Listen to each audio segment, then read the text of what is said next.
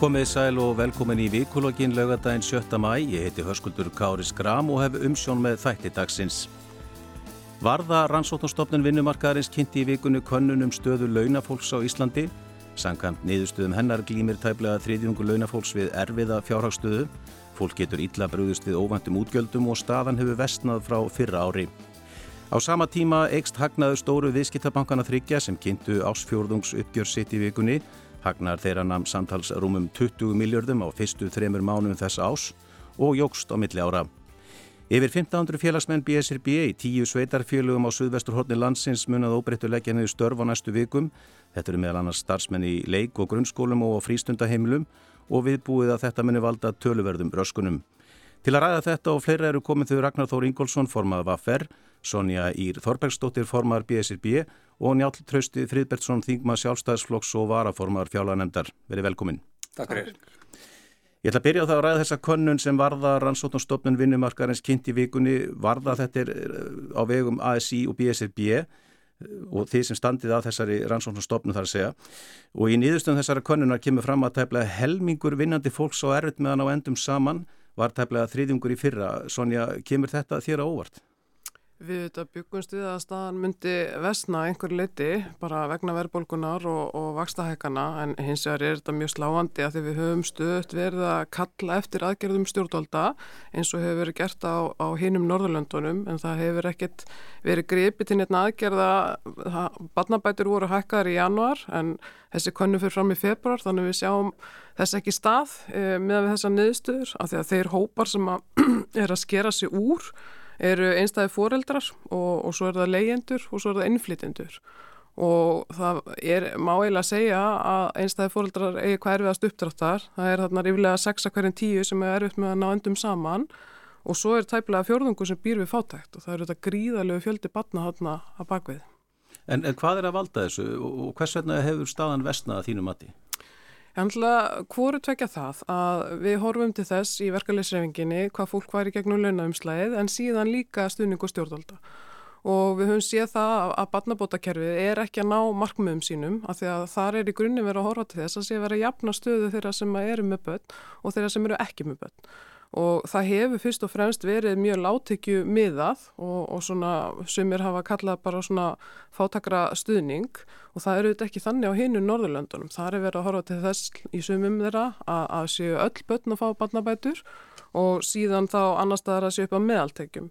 En þetta stærsti útgjaldalegur heimilana er alltaf vegna húsnæðis og þar skiptir ekki máli hvort þú eigir eða leigir að staða leigjenda eins og nefndi eru þetta mjög slæm og það er langvesta staðan og það eru fleiri einstæði fóreldra og innflytindur á legumarkaði heldur en aðrir hópar en hins vegar sjáum við þetta líka að þeir sem að eiga eignir og eru með óverð til lán og sérstaklega breytilum vöxtum og þeir standa hvað vest. Ragnar, þessi könnun fór fram á netinu, rúmlega 14.000 mann sem tóku þátt í henni. Er þessi könnun að gefa raunsæða mynda þínum mati? Já, það tel ég vera. Þetta er svona í takt við, uh, þessi þróun er í takt við það sem maður hefur óttast og hefur fundið fyrir bara í samskiptu sínu við uh, félagsfólk og, og það sem að vesta í þessu er að þessi stað á eftir að vestna til mikill að muna áður hún getur nokk tíma batnað vegna þess að stjórnvöld hafa setið algjörlega aðgjörlulegs hjá. Eh, það er smáveilaðu aðgerið sem hafa komið í gegnum eins og uh, Sonja kemur inn á, barnabóta kerfið og, og, og aukin uh, húsalegu stuðning.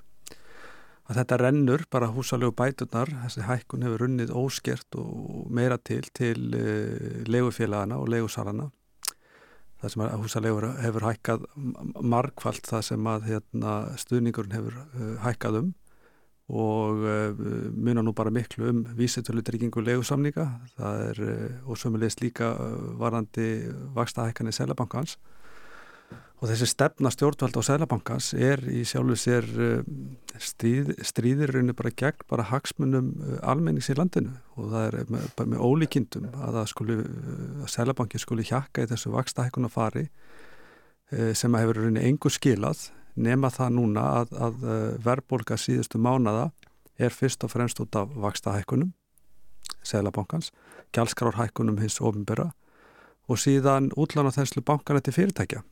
Uh, okkar greiningar á stöðu fyrirtækjana er svo að, að þau eru að velta uh, kostnaður auka, fyrirtæki skulda mjög mikið, 5.600 miljardar eitthvað um það byll, er að velta þessum aukna, auknu vakstabyrði beint út í verðlag, það getum við ekki gert í verk, verkalýsreifingunni, við getum ekki bara hækka laun, bara einhliða. En eru þið búin að skoða þetta sérstaklega og, og, og, og hafið þið sannanir fyrir því að fyrirtækin sé að gera einmitt þetta? Að sjálfsögðu, ég minna við erum með gríðarlega hérna öflugar greiningadeld hjá Vaffer og við keftum gögg frá Creditinfo uh, uh, það sem við greindum stöðu 13.900 fyrirtæki á Íslandi uh, í öllum stærðaflokkum og, og, og öllum atvinnugreinum og greindu þetta mjög niður og við höfum verið að skoða framlega hlutveld fyrirtækja og sem að kannski gefur skýrustu myndina um það hvort að kostnæðarhækkunni sé veld óskert út í verlaði eða hvort að fyrirtæki sé taka á sig og svo náttúrulega stöðu bankana við, við höfum greint það að bankarnir hafa uh, þegar að bankaskattur var lækkar úr sín tíma þá hafa þjónustu göld hækkað alveg gríðarlega. Og fleirum bætt við útibúin lokað loka, þjónustar skert Uh, arðsemiskrafa hækkuð eins og hjá Arjónbanka þannig að það gerðist alveg þið gagstæða þegar bankaskattu var lækkaður að bankanir hafa grætt meira og meira og meira og núna nýjastu tölur ef við setjum þetta í samingi að, að, að hagnaður bankana bara fyrsta ásfjörðingi yfir 20 miljardar, er rúmlega 21 að uh, fyrir þetta gætu við byggt um 500 eða full fjármagnað um 500 hagkamar íbúður Njálf, það er verið að gangrina stefnu ríkistjótarinnar hérna uh, Það hefur náttúrulega komið fram að eh, bara nú nýlega að, að það eru vísbendingar um að vanskilum fari fjölgandi, er ekki bara að vísa þessa konur, það eru eh, tölur sem benda til þess að vanskil fyrirtæki og einstaklinga ja, það sé aukast. Og, og, og þið í fjármála fjármála nefnd alþingist, þið hefur verið að fjallum fjármála áallur ríkistjóndarinnar, svo áallun hefur verið gaggrínd og margir að kalla eftir kvalreikaskatti, herri fjármástekjuskatti og leigubremsu til að draga úr þessum álögum á, á, á heimilinn Eh, er þetta eitthvað sem kemur til greina að þínu mati? Hérna, ég vil kannski byrja því höfskuldur að, að ég kom inn í fjarlæðanindin aftur eftir tölverða fjárveru bara núna á miðgudaginn og þá tók ég við sem varaformaður nendarinnar. Ég vil kannski byrja og eina fyrstu kynningunum sem ég fekk fyrir nendinu var einmitt þetta verkefni vörðu uh, rannsóknsettus vinnumarkaðarins, bara mjög vel unni plagg og mér sínist Kristín Heppa og hennar fólk hafa unni virkilega vel að þessu það eru miklar áveikið þegar maður sér og þetta er þetta, með, með hérna, ungt fólk, einstæða mæður og einstæða, einstæða fóröldra og þetta er það sem við þekkjum einhvern tíðina. Ég vil oft horfa á þetta í svona samikið hlutan og þetta er lengri tíma og, og eins og barnabætu síðustu tíu ára, hvernig það hefur verið að þróast þá hafa það vaksið um 58% uh, gist, sem búið setja í þann, þann flokk. Meðan, uh, meðan uh, þannig að, að hækku vístölu neyslu við 37% á þenn tíma og uh, það sem maður kannski vill átt að skoða betur og næst að hvað við fyrir langt upp til þessi barnabótunum. Við eigum náttúrulega alltaf að fara það hefur verið mín svona pólitík sín á svona hluti að við hjálpum þeim sem að standa vest Hversu, það sem, það sem hefur náttúrulega gest á undan ára staðan að vera til þess að fólk fái þá hjálp, eh, Sonja talar um eh. þetta sem nánast sem einhvers konar fátatarhjálp ekki það að, sé, þetta sé verið að jafna finna einhverju jöfnu í kerfinu, jafna út. Akkurat. Og ég alveg, hérna, ég held að pólitíkinn hafi virkilega verið að takast á við það að reyna að gera það sem er, er hægt sko eins og núna eru við í ríkisformála áallunni það er fyrst og einst það sem er verið að það er verið að reyna að, að, að draga úr. Það er það sem allir hafa væntinga til. Ef við ætlum að ná við verðbólgunni þá þurfum í gegnum ríkisformála áallunna að spila með peningstæðinu Sælabankans og vinnumarkaðurinn sem að Sonja og, og Ragnar standa hér fyrir. Þetta allt trend þarf að koma fram sem einn heilt ef við náum þessum árangri hvernig við ætlum að ná við verðbólgu. Verðbólga er bara að reysa mál um allar, allar heim núna eftir COVID, beinu framaldi úkrænustrið, eh, alla keður, opnöðu hérna aðfangakeður og, og, og slíkt, þetta fór alltaf flegi ferð og núna er það þannig í Evrópu, það er innan margra Evrópalanda yfir 20% verðbólka. Við erum þó í kringum þessi 10%. Við sjáum að Sæðlabanki bandarækja var að hækka. Hvaða Evrópalandir með yfir 20% verðbólku? Til dæmis Ístrasalsturíkin. Já, en erum við, en það, við erum að sjá um miklu, miklu lagri verðbólku í ríkjum sem við svona almennt berum okkur sama við eins og til dæmis í Skandinavíu og öðrum löndum. Já, nú, þetta hefur verið mjög, við vorum lægri en þau fyrir einhverju mánuðin síðan, svo þau aðeins fyrir að tósast niður með við um farið aðeins upp. Og þetta var það sem að tala um að með reiknum með myndi koma þegar þessi innflutta verðbólka myndi koma sterkar inn í gegnum innflutningu og annað, eins og hefur verið að þróast núna síðustu mánuði. Og við svona horfum í tölunni sjá við að virðist er erfitt að fara niður fyrir að ná eitthvað niður fyrir þessi 10% við vorum hvað komin lagst neyri 9,1 minni mig. Þetta er stæðsta verkefni okkar En er er að það þá, þetta, hvernig við ætlum að byggja og fyrir láluna fólk er þetta mikilvægast öllu. En við erum að skoða og eins og við höfum verið gegnum tilfæslu kerfin undanfæra nára það sem er að verja sem mest núna eru tilfæslu kerfin inn í velferðamálin og, og þeir sem hafa vest í samfélaginu. Þetta eru þeir, og heilbríðiskerfið þetta er kannski það sem við erum að reyna að ve- venda sem mest. Og, og það er stóra verkefni núna. Eins og það sem ég hafði áhuga á ég, ég, ég veist þetta gríðarlega mikilvæg vinna sem fór fram með þessari skýslu og góð kynning. Svo lendi því fyrirlega að í morgun að við hefur alltingis líku niðri. Og ég gæti ekki sótt powerpointi til að reyfja hans upp en þess að mér finnst þetta virkilega gott. En það sem að, það var svona tvent sem ég hugsaði en sem að sá hérna svona þróun þegar við erum að vinna. Að ég hef svolítið gaman og, og mist mikilvægt að sjá myndræna yfir svona lengri tímabil. Þetta fyrsta könnun þarna er, í, er haustið 2020 inn í kóðinu og síðan höfum við þá sögu. En við höfum ekki söguna kannski tíu ár tilbaka til að sjá hvernig, að, hvernig þetta er að þróast. Og ég held að það verði ef þessi gagnangrun heldur áfram og þetta tengja náttúrulega við söguna og hvernig það er að þróast áfram þá er þetta keppikefnilegar í, í pólitíkinu það er náttúrulega að verja kjör allra og, og sérstaklega lánum fólks. Og COVID-ið kannski raskar töluvert bara vegna þess að svona eftir á þá, þá held ég allir sér sammála það að fari mjög upplugt inn í öll kerfin og allt venda veri varið en það var 300 miljardar halli á ríkisjóði í fyrsta árið og, og það var uppsafnað í ríkisjórnmálavallinni 2025 þá var reiknað með þetta eru 1000 miljardar halli á ríkisjóði yfir það áallum. Síðan hefur þetta gengið ágætlega og ferðanstörum komið stert inn, atvinningum komið stert inn þannig að þess, þessi hlutull er, er, er, er að hérna, lagast en það er gríðarlega mikilvægt að ná þessum uh, rekstri ríkisins inn í verðbólkuvendingar og annað að ná ykkur í jafnvægi þarna og ég held að í þessa ríkisjórnmálallu núna þá er það þessu ríki á þessu næstu fjóru-fimm árum þá er það nást. Og, og sem hefði leit bara miklu vera út hérna fyrir ekki löngu síðan. En þetta er alltaf hérna það er bara gott að fá þetta plaginn og þetta er það sem er við, veist, spurningin er, auðvitað hefur gegnum meina kaupmátt og við sjáum mým skögn kaupmáttur eru vaksjálfi greiðalega ég með minnir og Ragnar getur og, og er kannski staðfest að ég verið með eitthvað plaggun daginn að eins og starkunarsambandið bara undan hundum árum hvað, hvað kaupmáttur eru vaksið greiðalega þar og það, þannig að það hefur, það hefur hérna einhver 90% núna á einhverjum árum umfram vístölu á síðustu einhverjum árum þannig að við sjáum, það er, það er víðanást árangur en En þarna er samt helmingur vinnandi fólk sem á erfitt með að ná endur saman Já, er ekki könnun. rétt, sko, eins og ég skildi könnuna, þetta er 14.000 manns mm. í ASI og, og BSIB, og BSIB mm -hmm. svo það, það er hópurinn sem er verið að, þú veist, þetta er ekki helmingur landsmanna eða þetta er þessi félug sem er að tala um Já, þetta, er þetta er náttúrulega ASI og BSI já, já, þetta er náttúrulega hluti, hluti af vinnumarkaðanum Það eru 160.000 manns þar undir hjá mm -hmm. ASI og BSI bífélugum og mm -hmm. það er í kringum 200.000 á vinnumarkaði þannig að þetta nær bísna stórun hluta mm -hmm. en sko ég held að stóra vandamáli í þessu er að, að við erum mjög ríkt land og það getur ekki verið okkar stefna að, að fólk sem er á, á vinnumarkaði búið fátækt, ekki frekar en öryskjari eða hérna, eldra fólk En sko þegar þú nefnir að það hafi verið þarna þróun á barnabótakerfinu uh, og ef við horfum sko aftur í tíman að þá stóðar umverulega í staði allt og langan tíma. Það var ekki verið að bæta í það.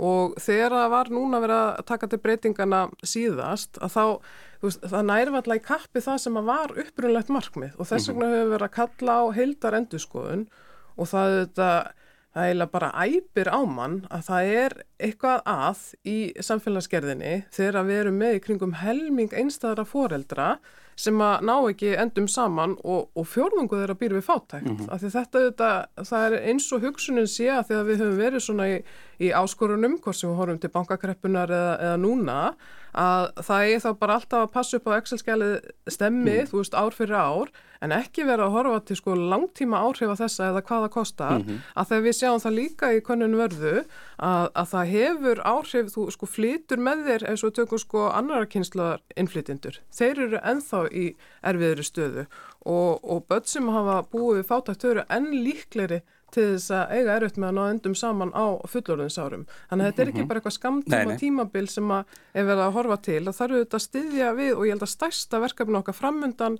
er að snúa þessu við og hugsa hvað ætlum við að gera til þess að tryggja að börn geti búið bara við svona mm -hmm. mannsamandi aðstæðir hérna. Akkurat. Að þegar við erum ekki bara að tala um það sem að konun endur speklar, hún er alltaf fyrstulega að spurja fóreldra sko, ekki til staðundi kostnaði varandi bara því sem tengir skólanum, þú veist, eins og við tökum framhaldsskólanum og það er fartölukostnaður eða skólamáltíðir og svo framvegis og það er mjög stór hluti sem að nær því ekki en, en það sem er miklu alvarlegra er að börn get ekki tekið þátt í eitthvað sem við teljum bara eðlileg hluti í lífi barna að fara í ammali og gefa ammaliðskif eða fá að halda ammali eða mm -hmm. að það vanti kuldaskóa börnin eða bara viðandi fatnað og það er mjög stór hluti fóreldra sem að segist ekki að efna að köpa næringar eitthvað mat fyrir börnin sín.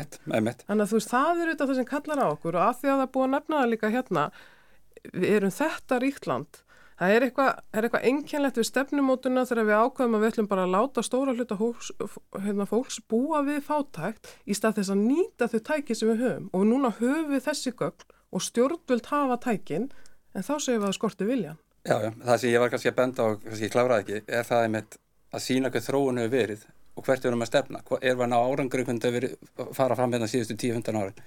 Ég veit alveg að það hefur gríðarlegt, ég er á það gammal að uh, ég er að fermast. Ég átti 40 ára fermingaramæli núna í april fór hans að hugsa beða tilbaka og 1983 innan ásins 130% verðbólga. Meðaltars verðbólga 83 var 80% hvað maður var að upplifa þá þegar bara þetta var rosalega skellir í allir samfélaginu og, og, og hérna hvað gerðist? Síðan líðan okkur ár. Og þá náum við kannski þessu stóra markmiði sem var uh, þjóðsáttinn sem að kemur bara nokkur árum eftir það þannig að þá er þetta búið að vera bara bál meira að minna áratugum saman og sérstaklega þessi 83-85 þá bara misti fullt og þetta var miklu starri efnaðarslega áhrif, ég veit ekki hvað eru gömul hérna inni, að hérna heldur við sáum til dæmis síðar, við höfum aldrei séð annað eins sem gerist þá. Já, já, núna erum við að horfa á stöðum En ég er að segja, þess vegna finnst mér mikilvægt hvert við okkur erum að miða í þessum og þá vil, vil maður kannski, eru hann árangri eða ekki og hvert er þróum, en þess að við erum í stöðugt það er stöðugt fyrir að bæta í sko. Svo það sé alveg að ljótt, það er eins og sé ljóst það sem ég finnst kannski núna og mér finnst líka gott eh, sagt, í þessar könnun þetta hverfist rosalega mikið um húsnæðismálun ég held að það sé allir sammála um það það er eiginlega verkefni hvernig við ætlum að tekla þann hluta. Og það kom áskýri mikið á orð hérna þeilabankastjórun dagi með hvað fjölgaði mikið íbúið landsins á síðast ári. Uh, það var reyfið 3% 11.500 manns. Það er hvaða landi heimi á erfitt með þetta húsnæðismarkið að það fá svona mikið af fólki inn og núna fyrstu þreymánum ásins það er sama trend. Það er bara gríðarlega fjöldgun og þetta er stóra verkefni hvernig við ætlum að reyna auðvitað um það. Meðan það við náum ekki að byggja hana mikið hérna, af íbúðum og það snýst um þéttingastefnu og annað að þá, hérna, þá byggja mér ekki annar staðar ódýrað húsnæði. Og ég veit satt ekki þetta er stóra fyrir alla sko. Já, já, er bara rætt skjóta inn í að því þú segir sko að það sé verið að bæta í en þú tala samt um þetta í prósentum e, laun hafið þetta líka hækka á þessu tímabili. Þú veist og það sem við höfum verið að benda á geng tíðina er að þetta er ekki eins og að halda í við launavísitölu. Þannig ég get ekki tekið undir að það sé verið að bæta í þegar svona rétt næri ekki eins og í kapp við það hvernig laun hafa verið þróast eða hvað fólk þarf mikið millir handana til þess að ná endum saman og við tökum bara mm. við með umbúsmann skuldara einstaktt fóreldri með tvö börn að þá þartu að minnst okkarstu 750 skonir ráðstöðunatekjur og það sko við með umbóðsmann skuldar hafa verið verulega gaggringt vegna þess hver svona láðu eru að þið verum ekki mennin önnu við með en þú veist þannig að það blasir við að þeirra lámaslun eru 400.000 á vinnumarkaði að þá þarf virkilega að taka til bæði í barnabótum og sumulegs húsnæðastöningi. Ragnar, Ragnar, eru við að dreifa byrðinni nægilega mikið? Nei, alls ekki. Uh, við hefum verið að benda á uh, það sem raunir benda á og komið tillegur á því sem það þarf að gera til þess að breyðast við þessum vanda.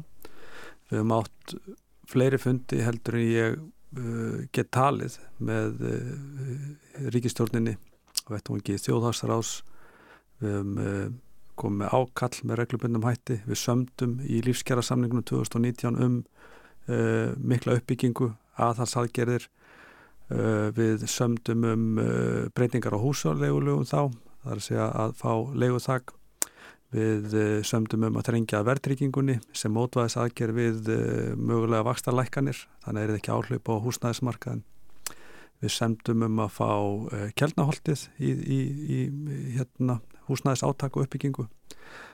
Allt var svikið og ekkert emt þetta hefur leið fyrir árum saman í hvað stefnir. Og staðan í dag er svo að hér talar Sælabankastjóri og peningastafnum nefndum að hér megi raunvextir ekki vera neikvæðir, ekki undir nokkur kringustæðum.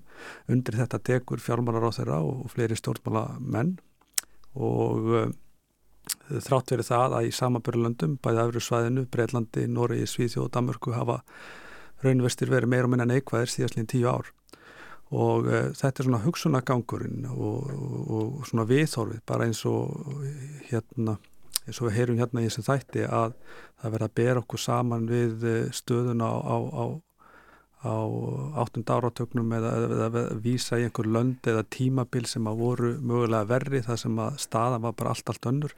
Efnagstjórni var allt önnur, það voru gengisfellingar við erum, við erum bara að tala um hlutin eins og þeir eru í dag. Og hvernig eru þeir í dag það er alveg rétt að, að eh, húsnæðismarkarinn er uh, hérna stóra breytan í þessu. Við í verkefælisreifingunum við náum að eh, semja okkur í gegnum eh, verðhækkanir út á verðbólku, þá er ég talað um nöðsynja vörur og ýmislegt annað. En við getum ekki bæta okkur eh, miklum gjaldskráðhækkunum frá hennu ofinbera sem að hafa verið að koma núna yfir okkur og við getum heldur ekki náð utanum stökkbreytan húsnæðaskostna hvort sem það er á legumarkaði eða á lánamarkaði. Staðan í dag er svo að eh, við ættum að vera í stórfældri uppbyggingu til þess að auka frambóða húsnæði vegna frambóðskortunum fyrst og fremst er helsti orsakavaldur eh, verðbólkunar og eh, stórgóðsleg hagstjórnarmistök Sælabankans í að fara og lækka vexti allt og bratt án mótvæðisækjörða. Ég er ekki mótið í að vexti lækuð en það voru enga mótvæðisækjörði, hvorki varandi uppbyggingu nýja að þrengja til dæmis að lán, öðrum til dæmis verðryggingu eða stitta lánstíma húsnæðislán og svo framvegs þannig að, uh, þannig að þetta uh, og, og, og það, það sem framöndan er, ef við tökum bara til dæmis þau byggingalönd og höfuborgarsæðinu sem við getum farið í uppbygginga á eins og Blíkastaðalandið, uh, Kjeldnaholtið, Úlórsadalurinn og fleiri stór svæði sem hægt að vera að fara í sko, uppbyggingu sem skiptir málu og þarf að fara í að þarna verður ekki byggt um næstu 2-3 árin, það, það mun ekki fara að skópla það niður. Þannig að uh, fólk uh, uh, skal al, við skulum bara alveg á vona því að þessi stað áttur að verstandi mikill að munna vegna þess að nú eru frangvandir að draga saman þegar að vera aukast. Verktakar eru að draga saman frangvandir það er verið að þrengja okkur í bjargi sem er að byggja hagkvæmt húsnaði til dæmis með í fjármála áallinu ríkistjórnarna þá á að fella í burtu Uh, endurgröðslu og virðsökkarskatti sem kostar okkur 10-12 skall aukalega fermetirinn í framkvæmdum. Það er allstað verið að þrengja okkur. Fjármaskostnarinn er allt og hár uh, framkvæmdi draga saman. Þannig að það er hitt gagstað að gera, gerast í rauninni sem að, að þyrta að vera að gera. Þannig að staða með vestna þetta er bara alveg sem með heilbriðiskerfið það var ágætt að koma inn á það. Að staðan hefur verið að vestna þar ár frá ári, árum saman þrátt fyrir fögu fyrir heit stjórnmálana í aðranda kostninga Hér eru byggtímar á, á slísó eða bráðamáttöku 6, 8, 10 klukkutímar. E, fólk býr vikum mánuðu saman eftir, eftir tíma hjá lækni. E, sko vandin hann vex og vex og staðan vestnar og vestnar og e, þetta er unni bara það sem við stöndum fram með fyrir. Hvað ætla fólk að gera vegna þess að þetta mun ekki batna? En mun ekki batna en, en, en þetta er ágættis, er ágættis staða hjá böngunum, þessi stóru viðskiptabanku að þrýr, þeir byrtu já, fínt eh, ásfjörðungsuppgjör núna í vikunni, grættu rúmlega 20 miljardar á fyrstu þremur mánuðum þessa ás og, og það eru vakstateikuna sem aukast verulega út af stýrivakstahækunum Sælabankans í þessu tilviki þá náttúrulega er bara verið að færa fjármagn frá heimilu landsins yfir til fjár, fjár, fjármagseigenda fjármála fyrirtækja eh, njál, við, er, er þetta leiðin til að reyna að slá á verðbólkun er það að taka peninga frá fólki, ernaminna fólki og, og láta ríkt fólk fá það? Nei, alveg, alveg sama. Þetta náttúrulega lítur ekki vel út. Það er bara algjörlega þannig. Þarna er náttúrulega uh, landsbankin er eigu ríkisins fyrir tanka 1% sem er starfsmenn eiga. Ríkið er í Hauðslandsbanka og lífriðsjóðnir stórum, að Ragnar geta svara meira fyrir þá og Arjabanka, ég held að síðan 30-40% eignarhald bæði á Íslandsbanka og Arjabanka uh, er á Lífurísjóðum landsins. Þannig að, að hérna, þetta er ekki gott og ég hef ekki getað leið eða skoða en þetta er, þetta, þetta er svolítið lofti gegnum verðbólguna sem að þessi hagnaður er. Það er ekki endilega frábær held ég grunna mig arðsemi er raun arðsemi eða, eða, eða, eða hagnaður sem verður úr þessu sko með, með út af verðbólgu sko. En tölunar eru gríðalega háar og ég held að það hérna, það er miklu regnir á bakvið sem er verið að reyna að, að, að sem sagt að það var sem að auðvitað eins ömulegt þetta lítur út þetta, ef ég klára þetta já. þetta lítur náttúrulega ömulegt en svo er þetta bara spurning líka vilja hafa þá burðugt bankakerfi sem er að reyka sig á einhverjum markaslegu fórsundum eða veikist það með þess að ef við ætlum að taka bara bankvarnir eftir að taka verðbólkustígi og, og hagnaða niður þá myndi það náttúrulega bara veslast upp líka sko en ég hef ekki hérna töfraleysn og ég meina Er þetta spurningum ég, það nú hérna fyrirtæki að hagnast á þessari stýrifaksta hækkunum selabankas, er mm -hmm. þetta kannski að setja að leggja einhvers konar kvalreikaskatt á bankana, mm -hmm. svo dæmis er tekið? Við erum náttúrulega með hægsta bankaskatt í, í Európa. Sem var samt sem lekkaður, en hann er þá langhæsti í dag svo það sé allir ljóst hvar, hvar það er og það er kannski ekki gott fyrir bankakjöru heldur að vera með spila ykkur alltaf reglur heldur en með þekki almennt í Európu, þannig að það skiptir okkur líka máli fyrir alla greiðslumeilin og annað bara lána út í, í samfélag að þetta sé líka burðugt kerfi. Síðan er bara önnur umræða hvort við viljum fara í samfélagsbanka eða hvað að, og það er bara umræða sem hefur lítið farið fram hér á landi. En, en, en, en þetta, lítur, þetta, ekki, þetta lítur ekki vel út þegar maður les svona frétt og, og almenningur ég vissum að bara sammála því þetta, þetta lúkar ekki ef við notum slæmi íslensku vel í, í fréttum þegar þetta kemur svona út. Sonja, Sonja hérna Sælabakastjóri talaði um það að bankarnir er að byðla til bankanum að þeir myndi sína samfélagslega ábyrð í því ástandi sem nú ríkir eh, telur þessi einhverja líkur á því með að við þessar afkomi tölur að bankarnir síni einhverja samfélagslega ábyrð Nei, líka sko að við erum ekkert að eiga þessu umræði fyrsta skipti, við bara förum áraftur í tíman eða, eða jafnvel þar áður að þá auðvitað kom bísna margt fram í umræðinni sem að sínir hvað er ólík staða hér á land og annar staðar, til dæmis það að e, í þeim löndum sem við erum að miða okkur helst við, að þá er ekki þessi sama hagnakrafa. Þess vegna, þú veist, þykir það eitt og sér bara mjög sérstatt að sé verið að, hérna, að sé öll markmiði þessa átt hér á landi vegna þessi mitt hvaða áhrif að það hefur á fólk sem að þarf að koma að þakka yfir höfuð og svo framvegs og taka lán, þannig að það, þú veist, það eitt og sér og líka bara að við höfum ekki breytt um kurs í umræðinni í ljósi hérna bankarhundsins 2008 við séum ekki komin á betri stað þannig að mér finnst þetta, þetta er sérskennilegt að miða við það. E, það var auðvitað þannig þarna í áspyrjun 2020 að þá töpu bankarnir verulega voru ímsar áskorunir á lofti vegna heimsvaraldis kornaverunar og, og það eins og erum að nefna hérna, það hafði alltaf verið stefna nú er þetta ríkistjórnar að lækka bankaskatt og það farið í það þarna þá 2020 en við, það blasir bara við með við stöðuna núna það var ekkert tilefni til þess það hefur umvölu bara átt að hækkan og þú sko sambyrðu við önnu lönd já bankaskattunni er lærið því það er ekki þessi sama hagnakrafa og sko ef við einmitt, veist, erum að horfa til þess að ríkja allir áfram að eiga landsbankan þá sé ég ekki annað í stöðinu heldur að verði farið að endurhugsa hlutverk hans hérna í þessu samfélagi. Af því að þetta er náttúrulega talandi hérna þegar verið að vísa til þjóðasáttar, þú veist, ég veit ekki hvers ofti þurfum að segja það í verkefliðsreifingunni en það er einfallega ekki þannig að launafólk eitt alltaf að bera ábyrjina. Þú veist, það var gengið frá hérna kjærasamningum til þess að reyna að stuðla lækunni verðbólkunar en það er bara engin annar að leggja náttúrulega skapaðan hlut til. Uh, sko ég nefna, það nefna nokkuð dæmiragnar hérna um, um bankana. Ef þú á túsunkall inn á, á debitkortareikningi þá ferðu 1,75% vexti. Mm. en ef þú skuldar í yfirdrátt túsunkall þá eru dráttarvextin eða fyrir ekki vextir og yfirdráttalánum 15,5% þetta er alltaf tölverðu vakstamennur Já sko það er, er hagstæðara fyrir fólk að borga dráttarvexti heldur en að taka yfirdráttalán hjá bankunum og um, það sem að Sælabankin hefur verið að gera að, að hann er að raunni íta fólki sem að um, komst loksins í, í þetta form óverð til lán yfir í verðtriðu lánin aftur. Og e, ef við tökum bara verðbætur uh, síðustu tól mánuði og vakstastíð á, á uh, verðtriðu lánum með förstum vöxtum að þá eru þá, þá er þetta sko með brúalánum 15-16% vextir sem fólk er að borga íbúlánum, tryggustu lánu sem hættar að gefa út.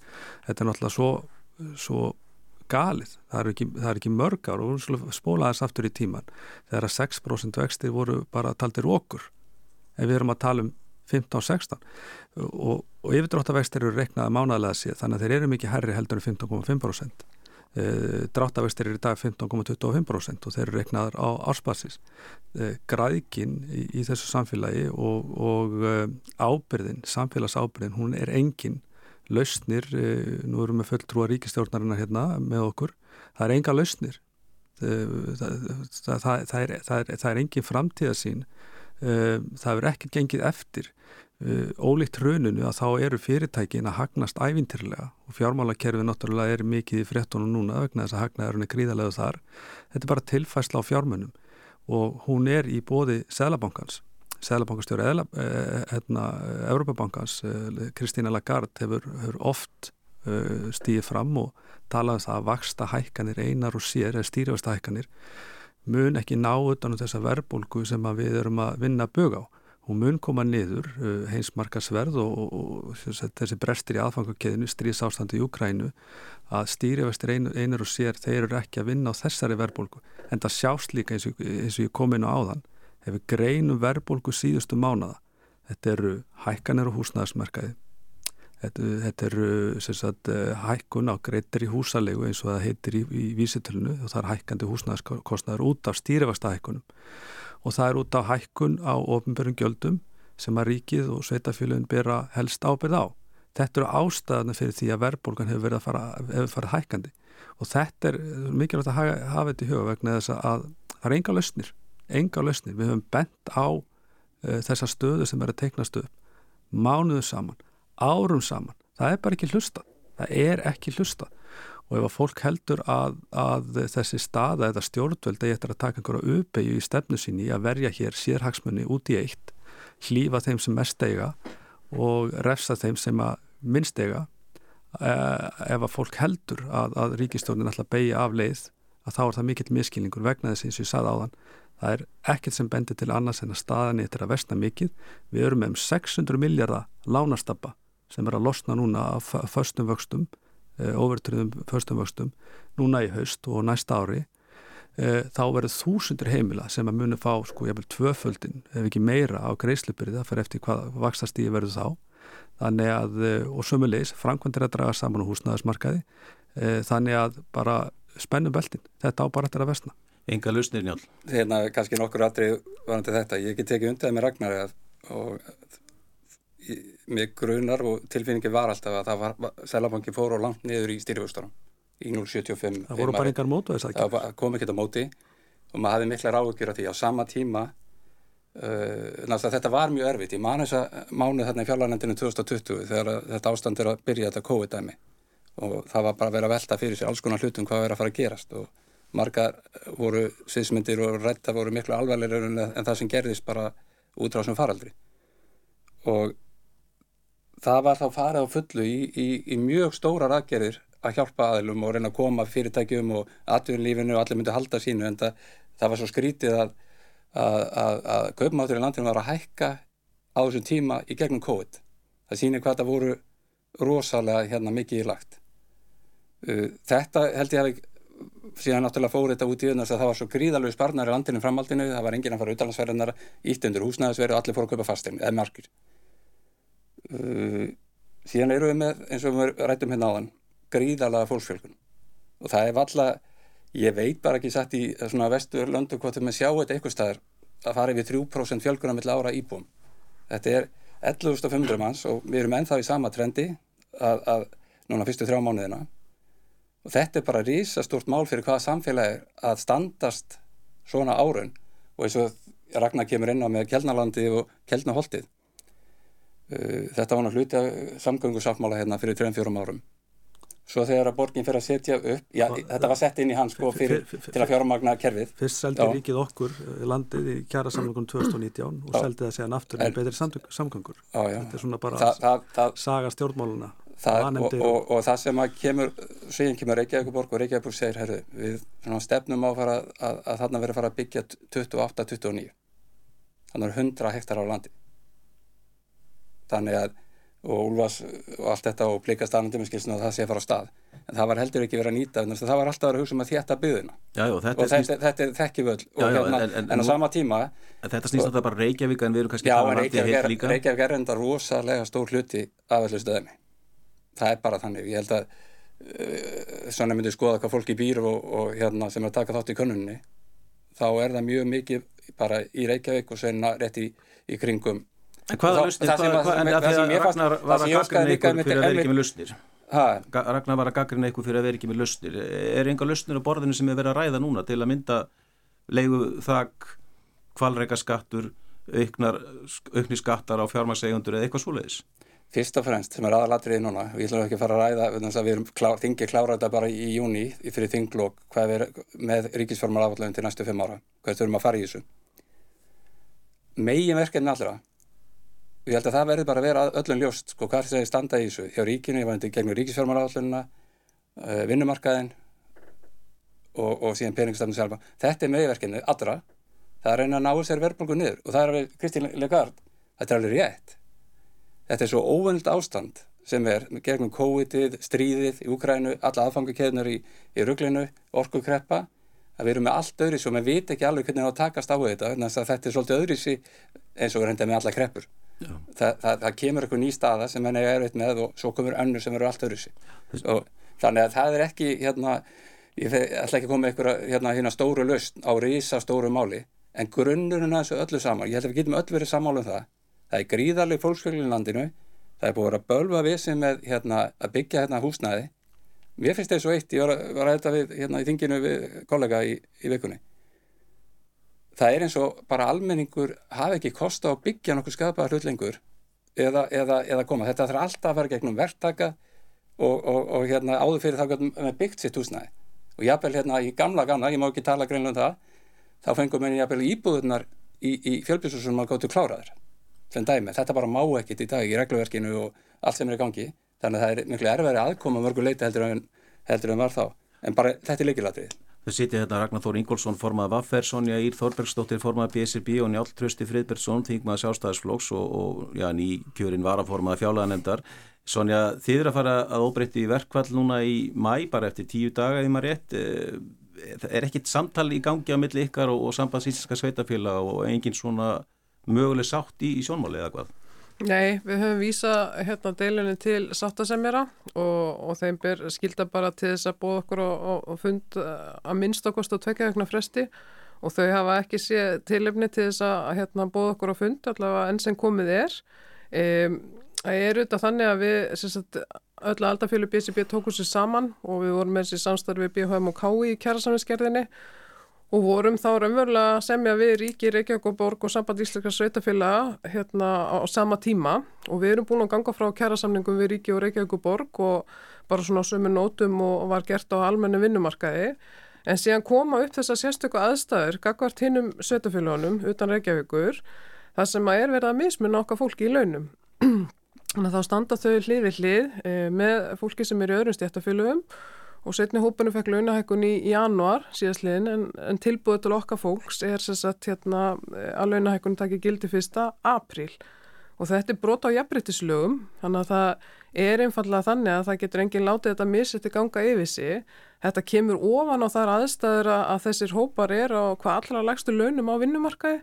Þetta eru fólk sem að starfa í leikskólum, grunnskólum, í þjónustu fatla fólk, þau eru bara sem fjölbyrtu störfum innan sveitafélagana og til og með var Hagstofan að byrta e, sitt yfirlit yfir hérna laun og, og svona launathróun á hérna síðastleina ári og, og þá er mitt kemur fram að störfi barnagæslu eru langlagst launuðustu störfin hér á landi.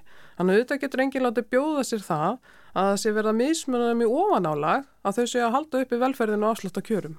En þetta snýst samst í megin aðriðum það að þið viljið fá þessa afturvirkni til 1. janúar en ekki bara frá 1. apríl. Já, það er krafan mm. og það var auðvitað hluta því að þegar við hófum undirbúni fyrir kjærasanskerðina að þá tóku við mjög djúpt samtal e, við félagsfólku sem þetta hafi verið að horfa til skamtíma samninga það þýðir að við þurfum eitthvað að slá á okkar kröfum.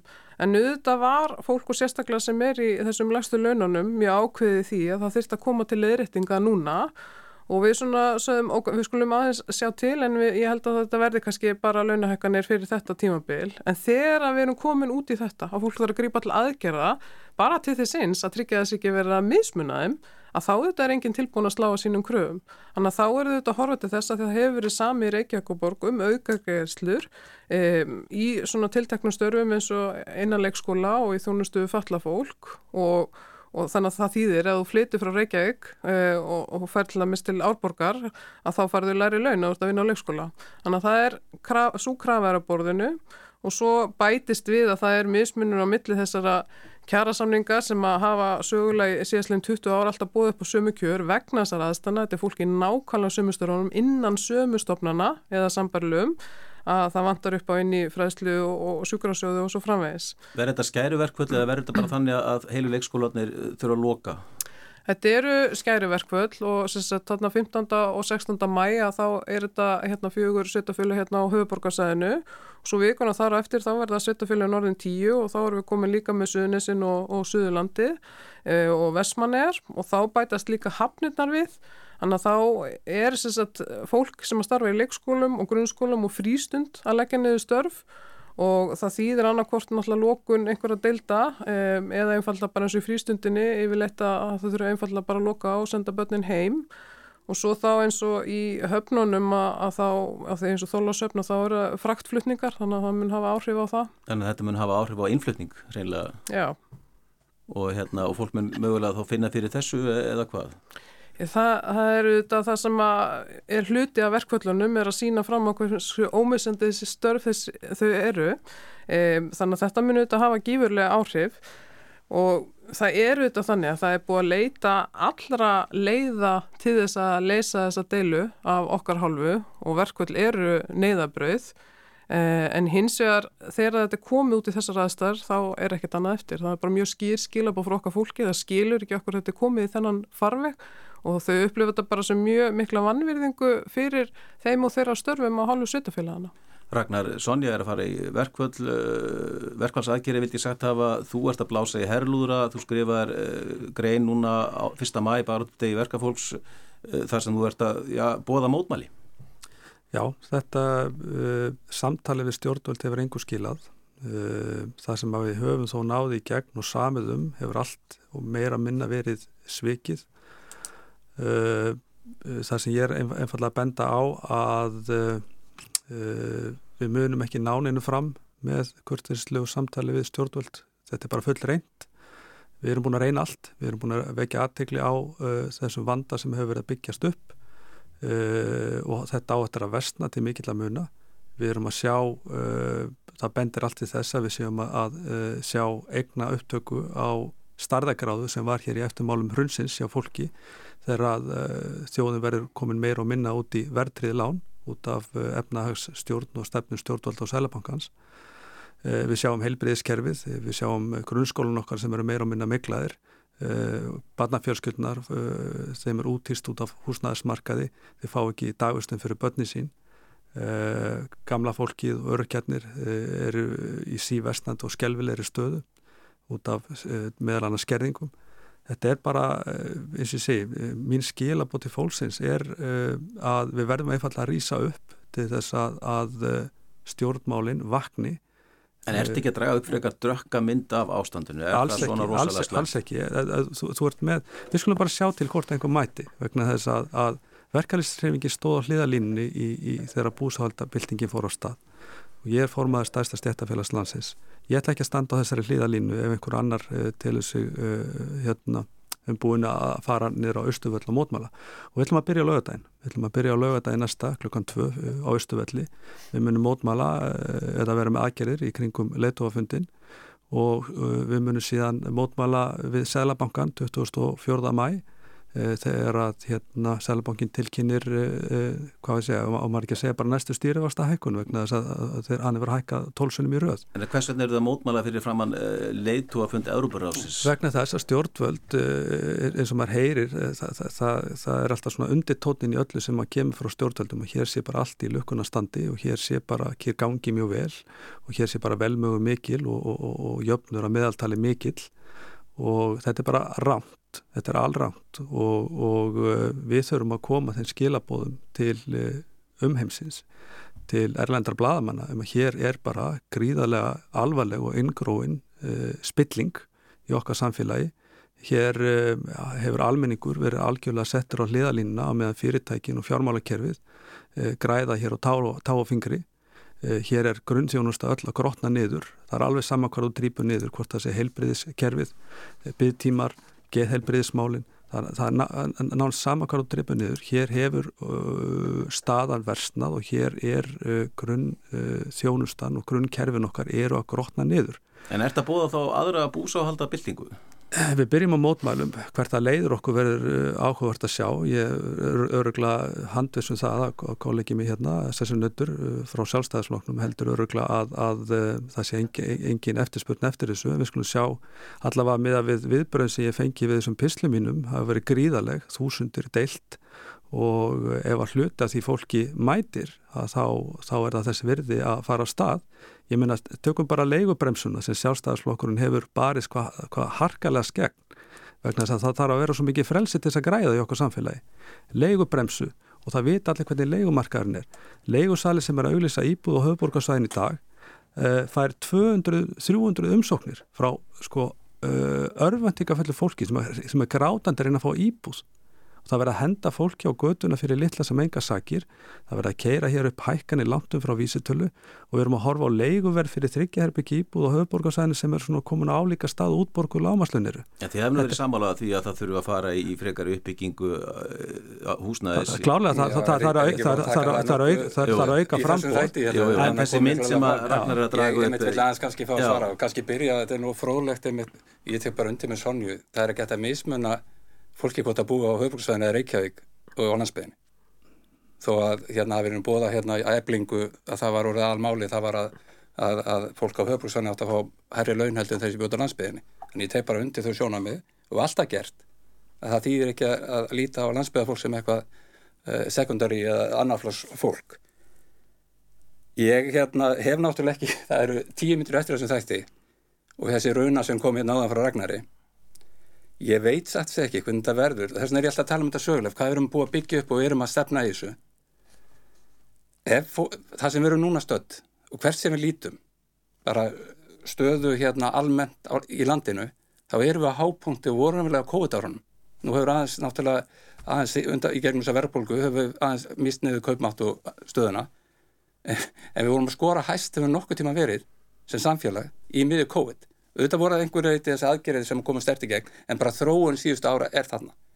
Hvers sem við lítum á hvað index er á heimsísu um jafnbreytti eða stað, uh, hérna, stöðu aldraðra barna eða hvað sem, bara hvers sem við lítum þá hefur við aldrei verið komið langt við erum í topp 3-4-5 listum yfir náttúrulega flesta hluti. Það er það sem ég er að segja, er það markmið okkar en að halda fólki þar. Ástæðan fyrir ég var að tala um áðan 83-85 þjóðarsáttina hrunið og allt þetta, þetta hlýtur að keppi kepli og það er það svo sín að hvert við ætlum að stefna með þessu. Ég segi, það er gríðarlega mikilvægt að, og það er með verðbólgan og ég talaði um verðbólgana hér, ég talaði um húsnæðismálinn. Húsnæðismálinn er rosalega mikil grunnur að öllu sem við erum að fóstu.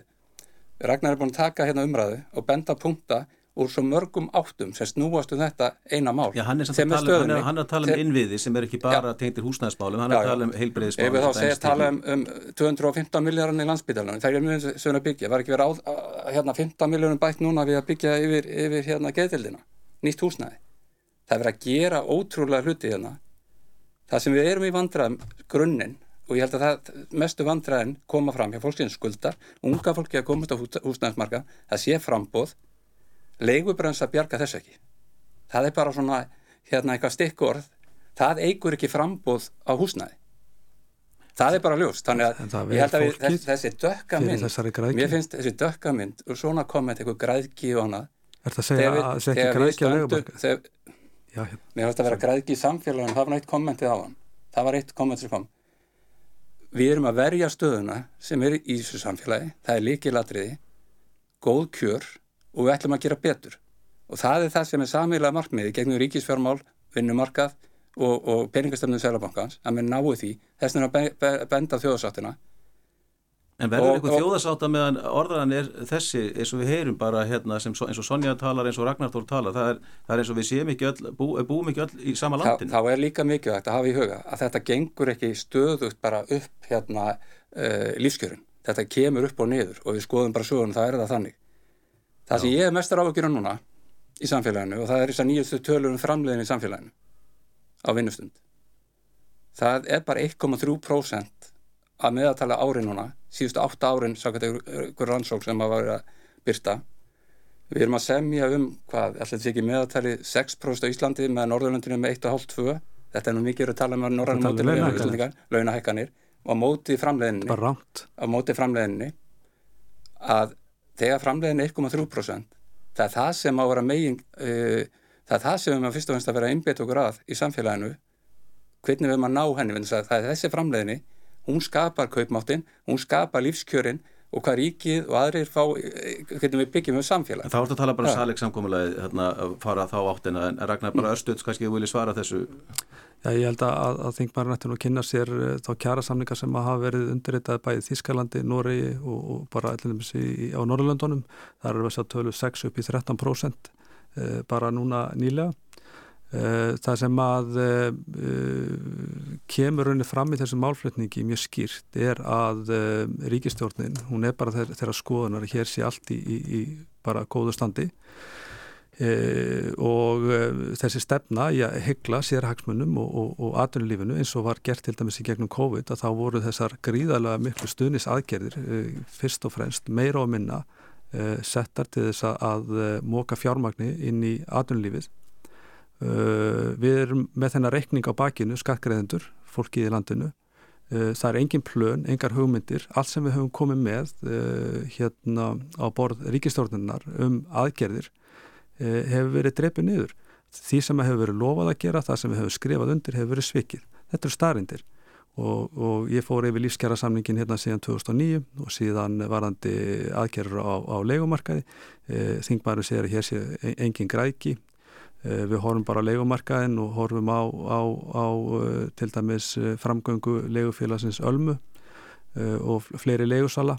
Eh, bankakerfið eh, er ekki að kalla þetta græðki arsem upp á 12-14% á meðan eh, bankar sem við gætum borið sama við íslenska bankakerfið í, til dæmis á Norrlöndunum eru með þetta kringum 4% í arsemi þannig að þetta er sko okkar samfélag það bara stjórnast að af stjórnlausri, botlausri græðki og fyrir það eru við að borga sem samfélag bæði með eh, grotnandi innviðum og grunnþjónustu. Þa, það sjá það allir sem vilja sjá húsnæðismarkaður sem er í algjörlega mólum þetta er leiðið fyrir árum saman hér þarf að byggja upp. En það er að draga saman, við erum að fara í öfu átt. Sonja? Ég held að sko grunn vandin í, í hérna, umræðinni liggi því að, að við erum í eðlisinu ósamála um það hverju skapa verðmættin og hvernig það skipta þeim Um, við erum stöðut, ég menna við tökum húsnæðismarkaðin, veist, þar var, hefur við bara ríkt sérregnastefna mjög lengi, uh, það var líka svo hugmyndafræða að markaðin myndi leysa öll mál og ég held að stjórnvöld séu fyrst átt að segja á því núna að það mun ekki verða þannig. Og það þurfa að gera eins í öðru löndum þess að ríki og sveitafölu er að koma að uppbyggingu og það sé verið að byggja upp húsnæði á, sem er á félagslegum grunni en það er samt bara fyrir fólk á, á hérna, lág og meðaltekjum. Og sömulegis auðvitað auka hérna, félagslegt húsnæði sem er fyrir þau sem að standa hvað vest uppi. En þegar við, við erum svolítið búin að fara yfir það hérna uh, að það þurfi aukna tekjuöflun ríkisins. Þú veist það þurfi viðbröð við hérna, verðbólkunni, það þurfi að styðja við þessa hópa sem að er einfallega að kalla á okkur í gegnum könnun vörðu einstæði fóreldur, leyendur og innflytundur standa langvest. Eh, innflytundur eru þeir hópar sem eru í hvað lagstu launanum líka á vinnumarkaði og ástæðan fyrir fólkflutningum eru þetta því að það er eftirspurn eftir starfsfólki mm. og það þarf að tryggja það. En sko Ég held að við, þú veist, það sem Ragnar er að lýsa e, endur spekla það sem við erum öll að heyra hjá samtöku launafólks þessa dagana. Það er eitthvað að fara að bresta. Fólk upplifir að við getum ekki staðundi nafnöfu sem er eitthvað hérna velferðarkerfi. Það er alveg sama hvar það er að banka upp á, hvort sem það kemur að helbyrðiskerfinu eða skólum batna þeirra eða bara hva, hvað sem að við, þú veist, þessi grunninnvið sem við verðum að geta treysta á og svo sömu leiðist þetta hvernig við erum að styðja við fólk til þess að jafna stöðu þeirra. Þannig að sko það, það, er, það er ekki bóði að það verði ekki gripið til neittnaðgerða. Þetta er neyðakall, allra neyðakalla. Ætli því að taka þátt í, í þessum mótmála fundum sem að Ragnar er að búa? Við auðvitað bara höfum verið á haus í verkvælsutubúningana, það hefur ekki verið rætt en ég ger aðferð að vera auðlist og fólku bara sækja á fundin. Já, já, ef, ef, ef, ef þetta verður erfitt hjá ykkur þá, þá getur vel verið að fá samúðar aðgerir frá hérna, alltíðu sambandsfélagunum. Já, svona stundum við saman. Hérna, ég- Sam, svo eftir ég- búða samúðar verkvöld. Já, að sjálfsögðu skoðum við það vegna þess að við getum ekki gert fyrir henni í janúra næsta ári og við getum heldur ekki beðið. Þá eru leigan komin upp um 30-40 skallið viðbót og lánin uh, tvöf, uh, tvöfaldast hjá stórum hópi fólks. Þannig að við getum ekki beðið. Já, það er nú örstuðt ég mitt allar þessar spurningar og punktu að því stanna þátt til að fara gegnum það. Ég vil segja það kannski í lokin. Ég held að það væri bara að það fráleitt fyrir fólk og blaðamilansins að skoða þess að, full, að, að, að Þískaland hafi verið að semja um 60-30% síðustu 13, eh, 30 árin. Tökum bara síðustu 30 ár hvernig Evrópa hefur þróast í þessum málum. Launa hlutvöld á Íslandi af landsrafnæslu er nánast hvergi herra sem því það, til dæmis ég var að skoða þetta fyrir 2-3 árin við fjárlændur, ég held að það bara bæst enn þá í. Það voru 65% launa hlutvöld á landsframherslu hérna á Íslandi, það sem, sagt sem að var greitt í laun af landsframherslunni, meðan Nóru var 55%. Bara þess nýri að tala um framleiðinni. Hún verður að aukast í samfélag, af hverju tölum við ekki meira um það? Að, að, hérna, en, en einstakki punktar hefur enga tíma til þess að þátturinn er búinn að komast í gegnum þá alltaf. En ég er að reyna að tala fyrir stóru, stóru myndinni það er það sem við gerum í, en, en þetta er snúist um einstaka þætti sem er kannski erfitt að ég fæ ekki tíma til að Já, svara nei, fyrir. nei, því miður, því Já, miður, við erum já. bara því miður búið með tíman Þú fekk ekkert að ræða Reykjavík ekki Reykjavík hlut og við komumst heldur ekki að ræða krýningaraturnuna sem er núna í Já. gangi í, í, í Lundunum, þannig að því miður uh, en svona örstuð, hvað er framöndan hjá okkur um helgina svo við byrja á þér Ragnar Það er bara undirbúningur fyrir uh, aðgerðir. Það er bara stöttarsvarið. fyrir mótmálafundin Fyrir næsta lögutu Já, já, við erum bara undirbúið það fullu. Herru, ég er bara að fara aftur Reykjavík flugvöll, flugtæk 12.40 og komast heim til Akureyrar, þannig að að, hérna, og aftur ef hann verður ennþá, ef hann verður ennþá Já, ég vona að hann sé hérna ennþá og að sé ekki búið lokunum, en hérna, og svo bara aftur suður á, á, á mannsmóndi, svona er þetta hjá mér. Sonja, Ég er að fara að handbóltamóti á dóttur minni en svo verður áframhaldandi vinna vegna verkvallana. Sonja, Ragnar og Njáll, takk hérlega fyrir komuna í vikulokkin þátturum verður á sínum stað á lögata eftir viku. Við